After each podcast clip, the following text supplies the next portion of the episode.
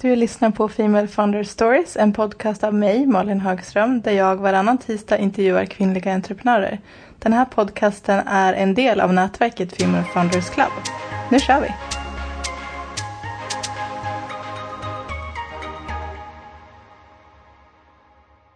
Hej och välkomna till Female Founder Stories. Det här är en podcast om powertjejer, entreprenörskap och mindset.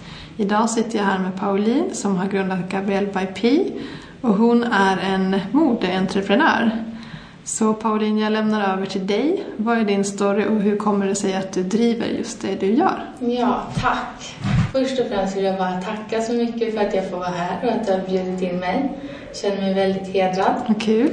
Ja, och eh, Gabrielle by P eh, är ett eh, företag som producerar och des designar veganska bagstraps eh, på ren svenska axelremmar till mm. väskor eh, med syftet att eh, förnya, uppgradera och göra väskan du redan har i din garderob unik.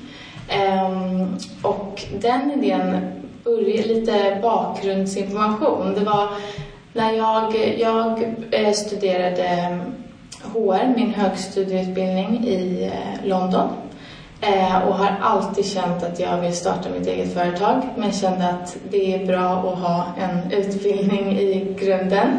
Eh, så det var helt rätt. Eh, men har alltid känt mig lite frustrerad över att jag inte har hittat på, kommit på den här klockrena idén som jag kan köra igång på. Ehm, och sen så tiden däremellan när jag sökte, gick på massa jobbintervjuer, ehm, var på massa fantastiskt inspirerande och häftiga eh, företag och eh, var på intervjuer och sådär. Eh, så var jag också på semester däremellan eh, med min familj i Italien. Eh, och en dag så låg vi eh, vid poolen, hela familjen i solstolarna. Och sen så eh, var jag inne på Instagram eh, och eh, fick syn på ett bagstrap och sen så kom jag in på den eh, hashtaggen och såg fler och fler och bara fick ett sånt här, nej men du vet ett ha som man får mm. om man bara vill ha en, en jacka eller en väska, man bara blir helt manisk. så så blev jag och ville ha ett eh, bagstrap. Eh, började mm, researcha den marknaden eh, och insåg att det som fanns var eh, antingen jättedyrt. De stora modehusen hade priser från 4 000 uppåt. Eh, och sen så oftast när jag eh, ska köpa en väska eller skor och sådär så kollar jag först om det finns några veganska alternativ. Djur som inte är, är tillverkade eh, av djur eller har eh, skadat djur. Och den ehm, marknaden är oftast väldigt begränsad. Ehm, så det fanns inget bagstrap som var eh, snällt för min plånbok och eh, veganskt. Eh, och på en sekund där så hade jag liksom kommit på att men det här måste ju jag göra. Eh, jag kände att eh, här finns det verkligen något att göra. Det är ett hål som jag skulle vilja fylla. Mm. Så jag lämnade solstolen där, sprang upp till hotellrummet och eh, nej men så här, fick ett liksom lyckorus och kände verkligen att det här är det jag ska göra. Började skissa på logga, komma på namn och eh, kontakta lite personer i branschen och kolla på nej men, finns det möjlighet att göra det här nu? Och vad, vad krävs det? Och hemsida, vilken portal ska jag använda mig av? Och sådär. Så att eh, det, var där, det var där det började. Och eh, det var juli 2017 mm. och sen i oktober 2017 så lanserade jag min webbshop. Um, så det gick väldigt fort. Det gick superfort och du fick ganska mycket uppmärksamhet direkt. Ja. För jag vet att det var någon som snappade upp din eh, kollektion ja. och bar det på Elgalan. Ja, kan du inte berätta lite mer om det? Men alltså, jag kan inte förstå det själv. det är helt fantastiskt. Eh, det var min eh, underbara vän Axel som jobbar med Eva Attling ehm, som var hemma i Sverige ehm, och jag träffade honom på lunch och jag visade honom bara spontant mina, mina eh, produkter då. Som, och, och, han visade dem för Eva och hon älskade dem. Eh, och sen på vinst och förlust så bara skickade jag några till henne och sen så var det en, en kompis till mig, Fanny, som, som såg, som skickade bilden till mig som hade tagit samma kväll på Elgalan och jag fick en chock. det var jätte, jättekul jag känner mig så ödmjuk inför det och jag tycker att det är så fantastiskt när kvinnor lyfter varandra. Hon hade ju absolut inte behövt bära det där liksom. Mm. Eh, så det där självklart, det gav ju mitt företag en jättestor skjuts. Så det, jag är jättetacksam. Hon fick ju också pris på Ellegalan. Ja. Så hon var inte bara Nej. gäst. Ja, precis. Så det var ju en, ja, en extra grej där mm. på det. Så att, ja, jätte, jättekul. Gud vad roligt. Mm. Var det självklart för dig att det skulle vara veganskt? Ja, det var det.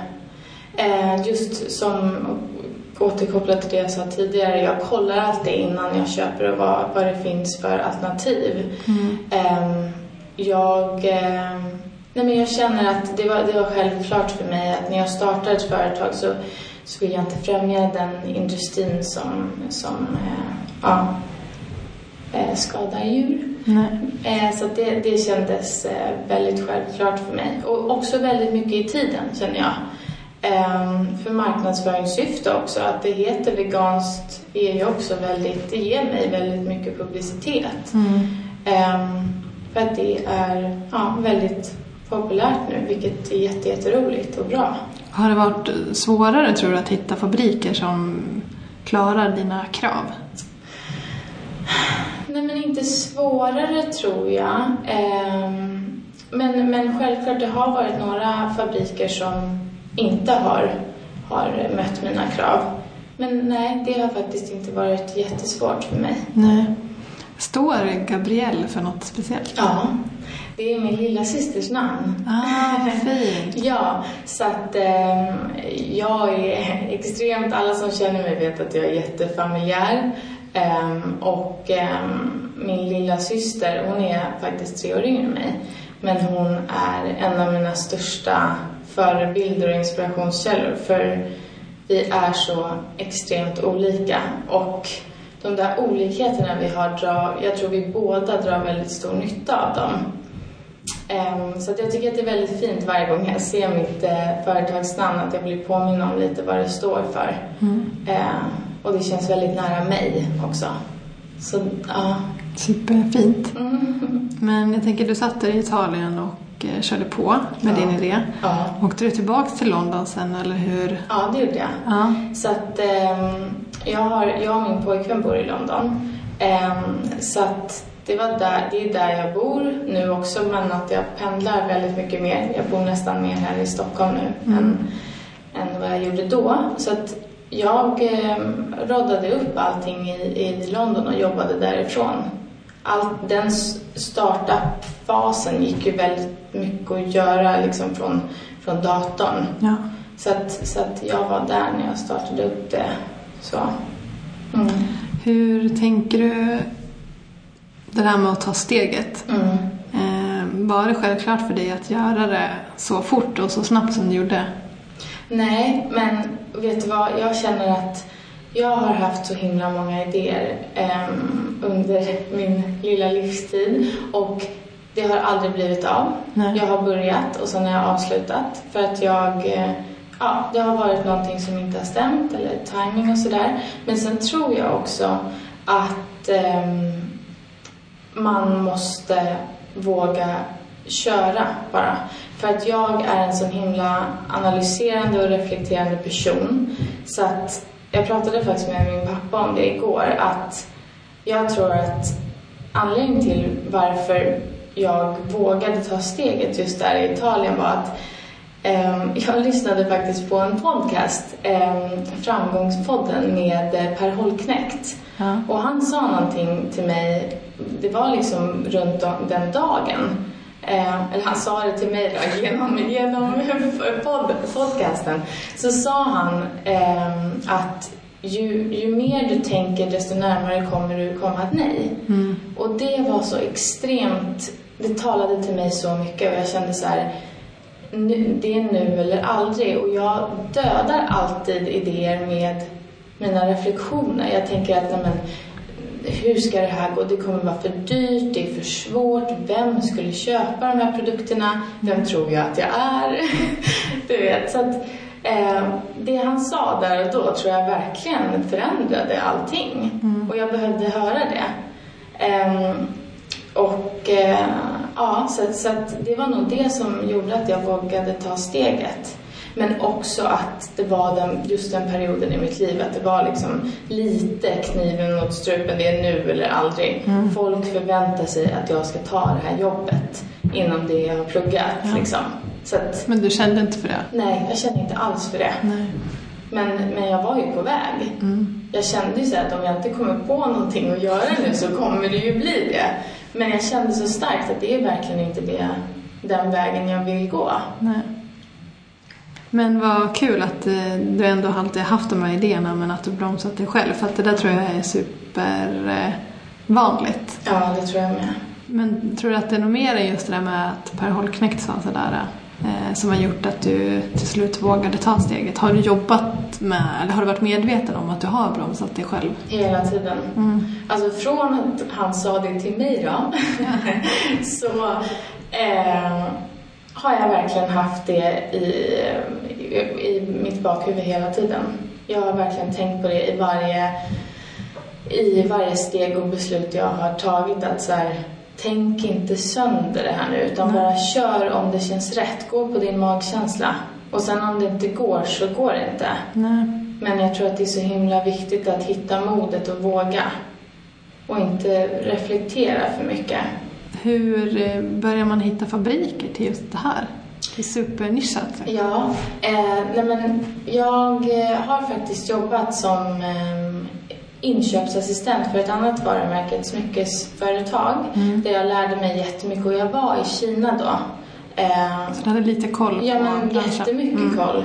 Eh, och jag hade ju inte tänkt att bli inköpare. Det var någonting som, det var en ganska liten organisation så jag fick verkligen vara spindeln i nätet och se nästan all, alla aspekter av hur en, hur en business fungerar. Mm. Eh, och tänkte väl lite där och då liksom att det här är en bra erfarenhet men hur ska jag ha nytta av det här i framtiden? Mm. Och sen var det så himla roligt när jag kom till det här skedet och om jag inte hade åkt till Kina så det var avgörande liksom för, för att det här skulle gå så fort som det ändå gjorde. För då visste jag, jag hade ju varit där och jag hade kontakter och liksom det var bara att lyfta luren i princip. Det var ju inte svårare, svårare än så. Jag tror att många tror just den där delen av fabrik och produktion, att många tänker ofta att det är det som stoppar dem, att det är så himla svårt att ta det steget och hur ska jag ehm, hitta den fabriken. Mm. Ehm, men det är faktiskt inte så himla svårt. Det är inte det. Och sen vill jag också tipsa om en, en hemsida, Alibaba. Om det är någon som har någon idé så är det där världens bästa marknad för att hitta sin fabrik. Mm. Det tar ju tid där, självklart, för det finns väldigt många som inte är så bra.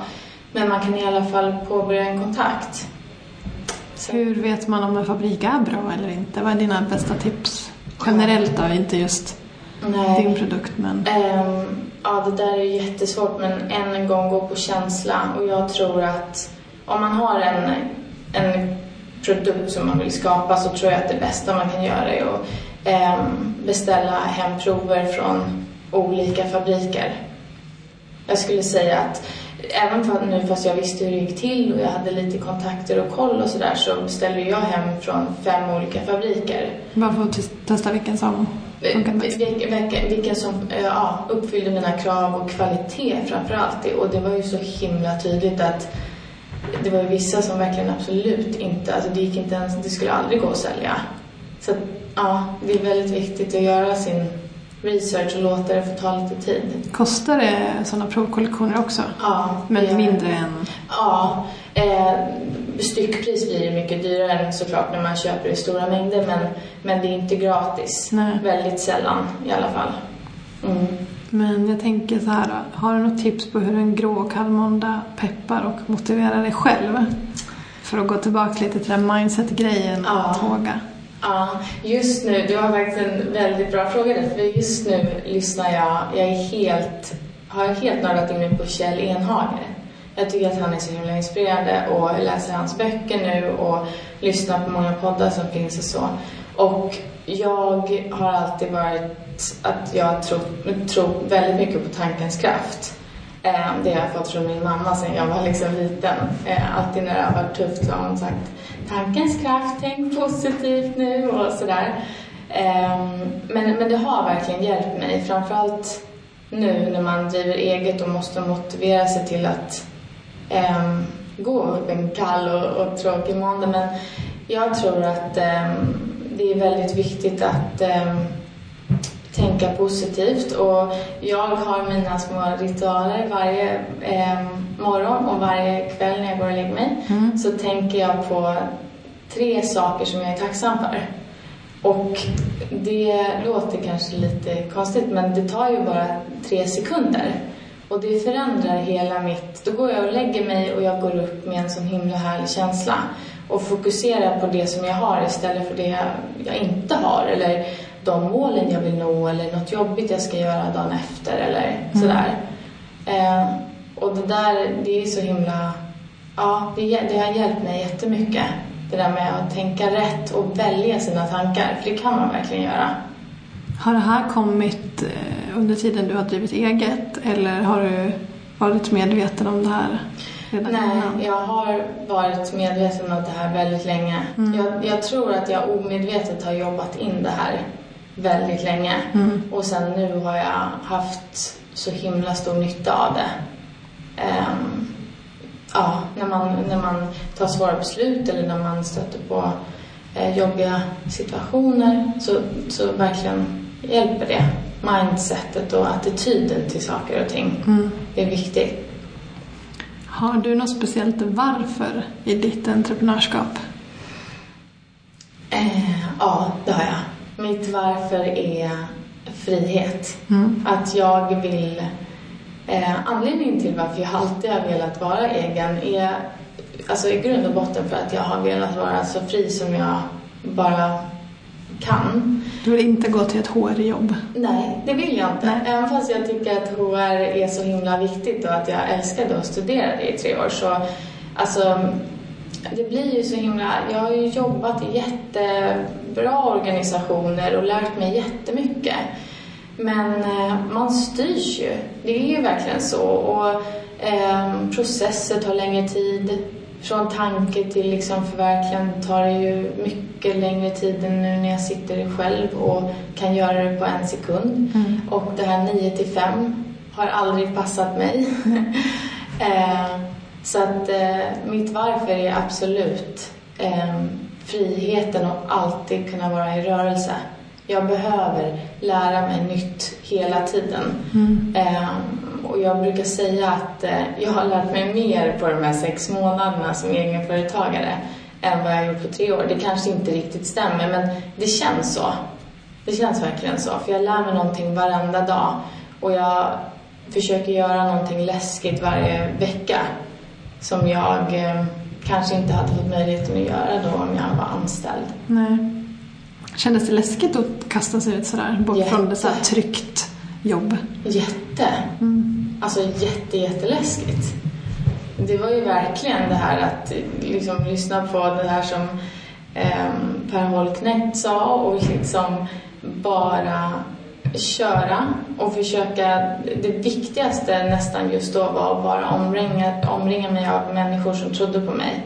För jag behövde liksom höra hela tiden att så här, det, det kommer gå bra. Eh, för att just att ta det där steget är ju det absolut svåraste. Mm. Eh, och tro på sig själv. Men jag fick nästan lura mig och tro på mig själv. Alltså verkligen intala mig själv att så här, jag kan göra det och det kommer bli bra och jag kommer lära mig så himla mycket på vägen. Vad tror du har varit din största drivkraft i livet som har tagit dig dit du är nu?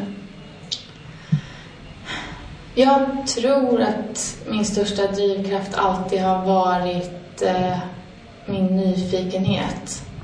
Att jag alltid varit nyfiken på att testa nya grejer.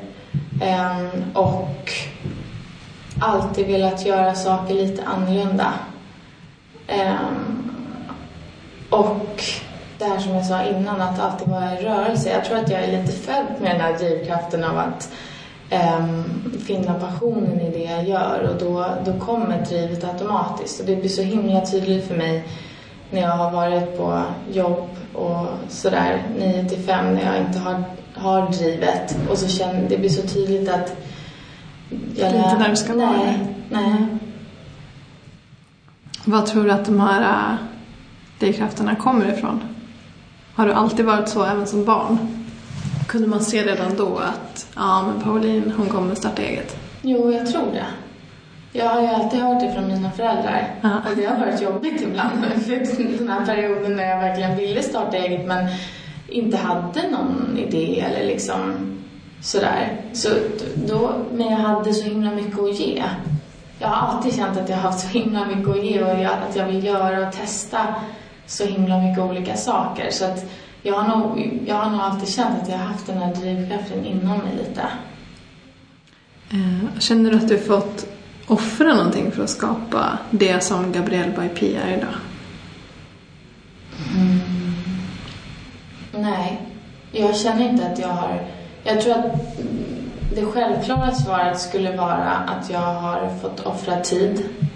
För att jag har lagt ner så mycket tid så att det, jag har aldrig lagt ner så mycket tid på någonting tror jag. Men den tiden hade jag aldrig velat ha tillbaks. Nej.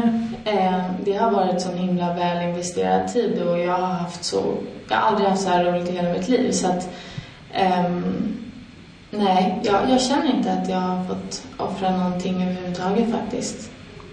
Finns det någon, så här, har, har du upplevt någon situation där du har tvivlat på dig själv? och hur har det kommit förbi det? Jag tänker, dels var det när du skulle köra igång att du tänkte att nej, jag får inte tänka sönder den här idén. Mm. Men när du väl var inne i processen och allt var i rullning, mm. har det kommit någon situation då där du har känt så här, oj, klarar jag det här? Ja, men jätteofta. Jätte, jätteofta. Bara liksom att sitta här och prata. Det är ju, alltså, jag, jag ser mig själv som en ganska bra lyssnare men är ganska obekväm egentligen att prata om mig själv. Jag tycker det går bra. Ja, men tack. Eh, men eh, vad var frågan nu igen? Om det var någon situation där du tvivlat på dig själv? Ja, men som den här. Jag, jag tvivlar jätteofta på mig själv, men igen, mindset. Att verkligen tänka positivt och att våga utmana mig själv. Att när jag tvivlar på mig själv så, så bevisar jag mig själv att jag klarar det ändå. Mm. Att jag ändå. Det är då man växer och lär sig och blir ännu starkare i sig själv. Bra svar. Mm. Um, vilka är dina tre bästa tips om man sitter där hemma och har kanske en idé mm. men känner att man uh, stannar upp eller stoppar sig själv hela tiden? Mm. Jag skulle säga att eh, det första tipset är att bara köra. Göra det så enkelt som möjligt för sig själv och om man inte kan göra allting själv, var inte rädd för att ta hjälp.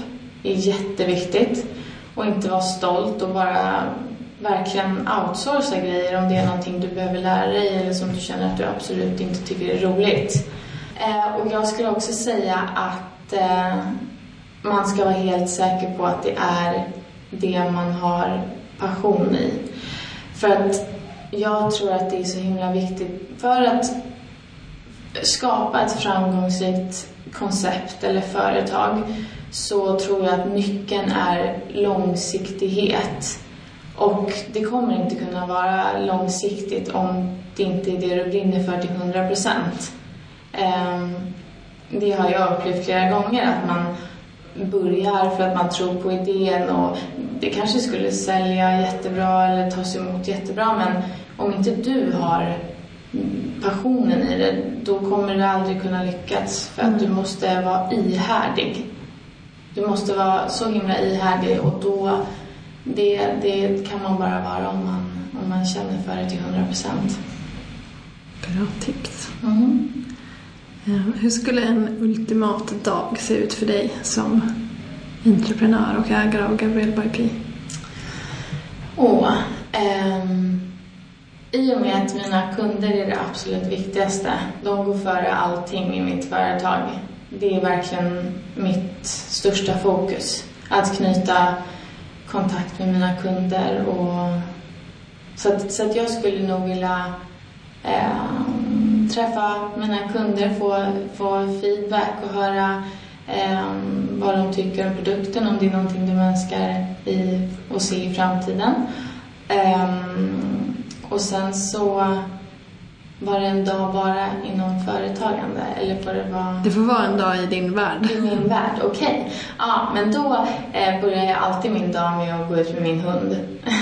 för hon är som eh, meditation för mig. Då får jag inte ta med mig mobilen och så går vi eh, en promenad och det är så jag alltid börjar min dag. Ehm, och sen så eh, dricker jag kaffe och börjar mejla med kunder och Um, går och tränar alltid. Det är jätteviktigt för mig. I och med att jag jobbar 24 timmar om dygnet, det är nästan det enda jag tänker på. Ehm, folk i min omgivning tycker nog att jag är lite jobbig ibland, men det, är ju, det får vara okej. Det är ju bara, det här är början av mitt eh, företagande. Så att eh, därför är träning så himla viktigt för mig. Ehm, och eh, jag skulle också vilja få in och träffa mina vänner. Eh, och sen en middag med min familj. Då är en dag komplett. komplett. Ja. um, vad var målet när du först startade och känner att det har ändrats någonting längs vägen med ditt företag? Mm. Nej, det har inte ändrats för att svara på din fråga. Men målet har alltid varit att ha så himla kul som jag bara kan. Eh, och att hela tiden vara i rörelse och lära mig.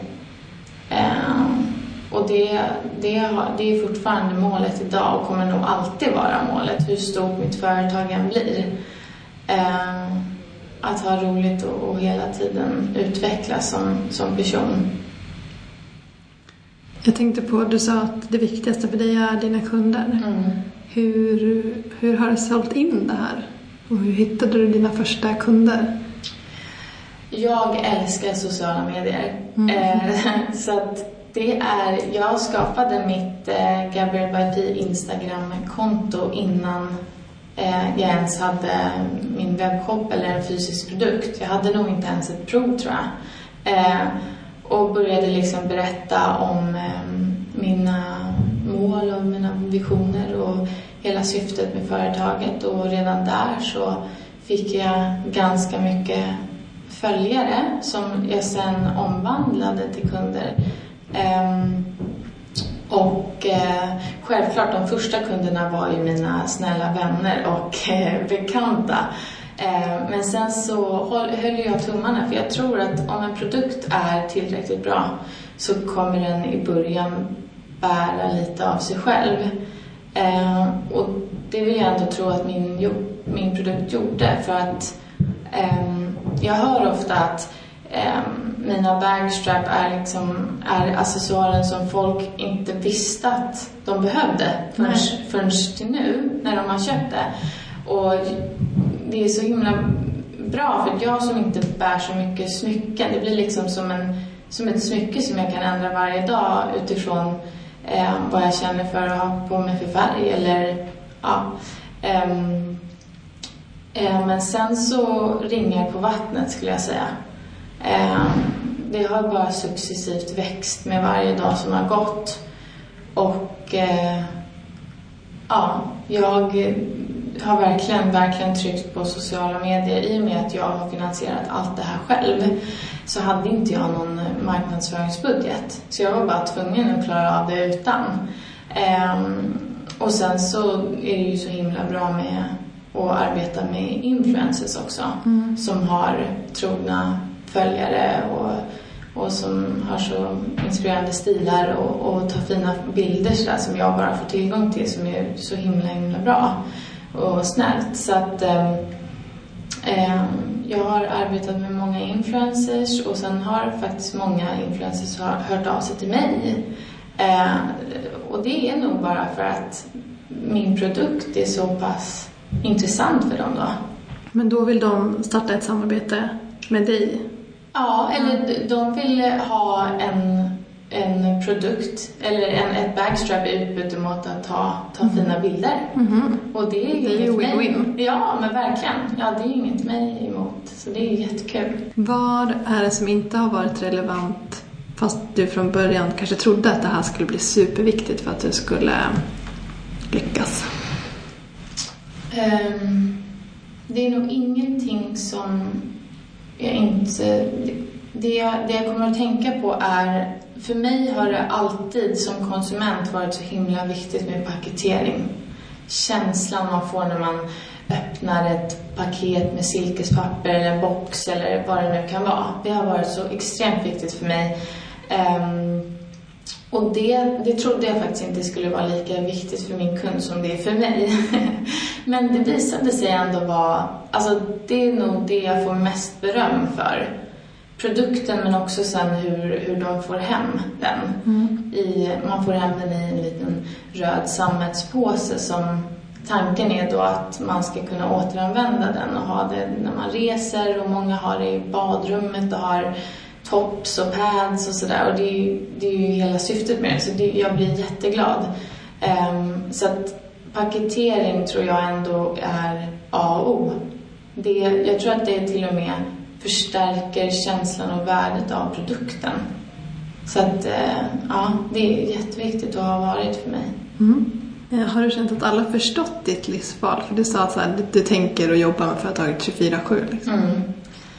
Ehm, ja, men det, det tror jag ändå.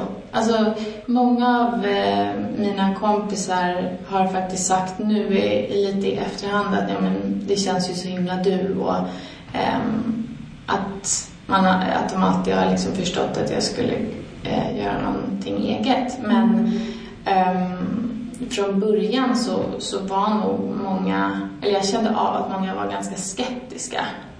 Eh, Men det var nästan bara bra för det skapade någon slags sporring inom mig att jag ville bara eh, förverkliga det här ännu mer och visa att liksom, jag inte skulle ha mitt 9 till 5 jobb.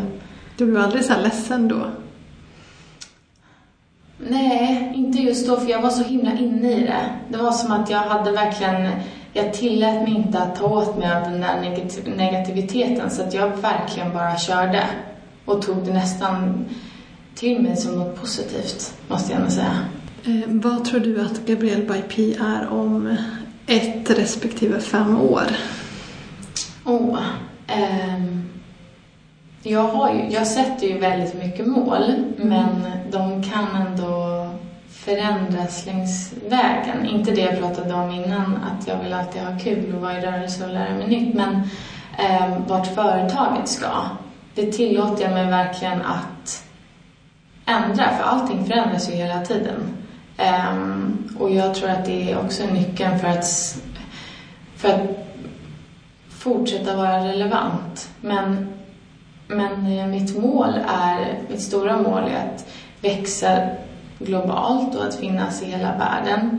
Eh, jag drömmer verkligen jättestort och ehm, jag vill inte bara göra bagstraps utan jag vill ehm, verkligen utöka mitt produktsortiment och håller redan på jättemycket med nya produkter som kommer komma inom kort. Vad kul. Ja, Ehm, så att eh, jag tror att verkligen det var en jättebra timing och just för att min produkt var så himla himla nischad så hade jag jättemycket att vinna både marknadsföringsvis med liksom Instagram och kunder och sådär. Så, där, så tror jag att det var väldigt bra. Det är så himla smalt men mina mål, mitt mål ligger ju att verkligen kunna kanske så småningom skapa kläder och andra modaccessoarer som är under det veganska paraplyt liksom.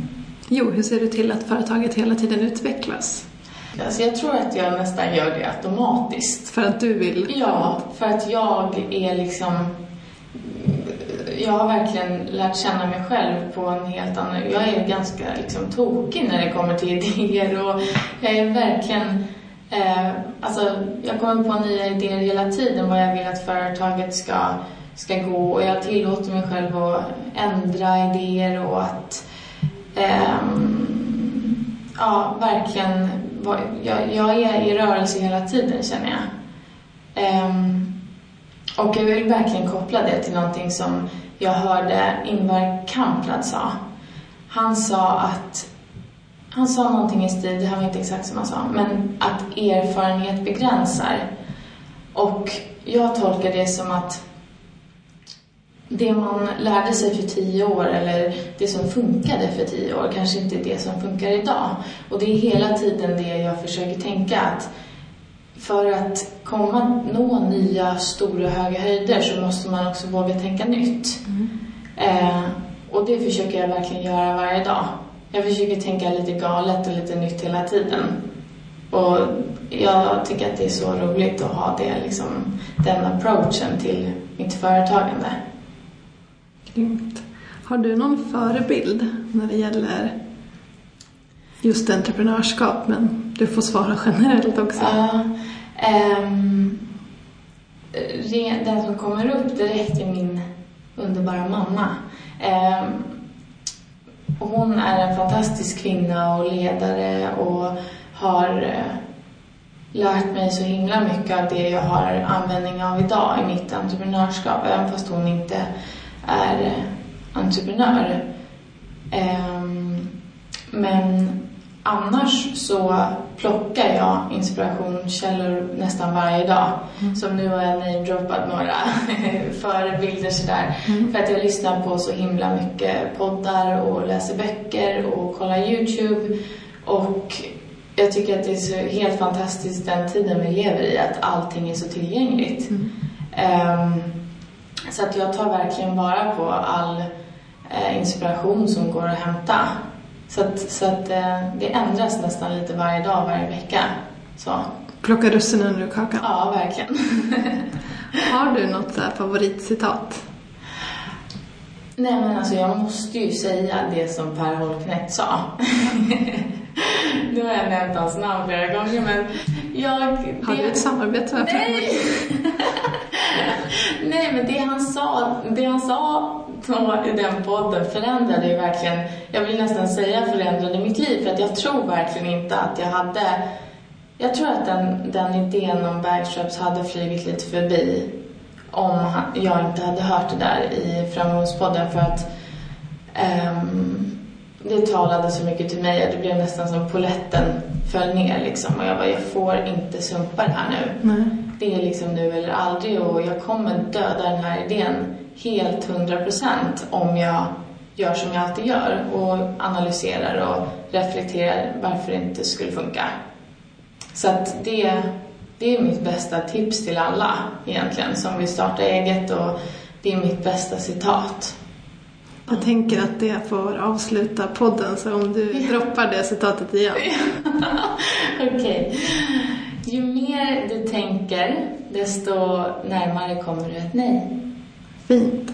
Tack så hemskt mycket för att ja, du var tack med. Tack så jättemycket.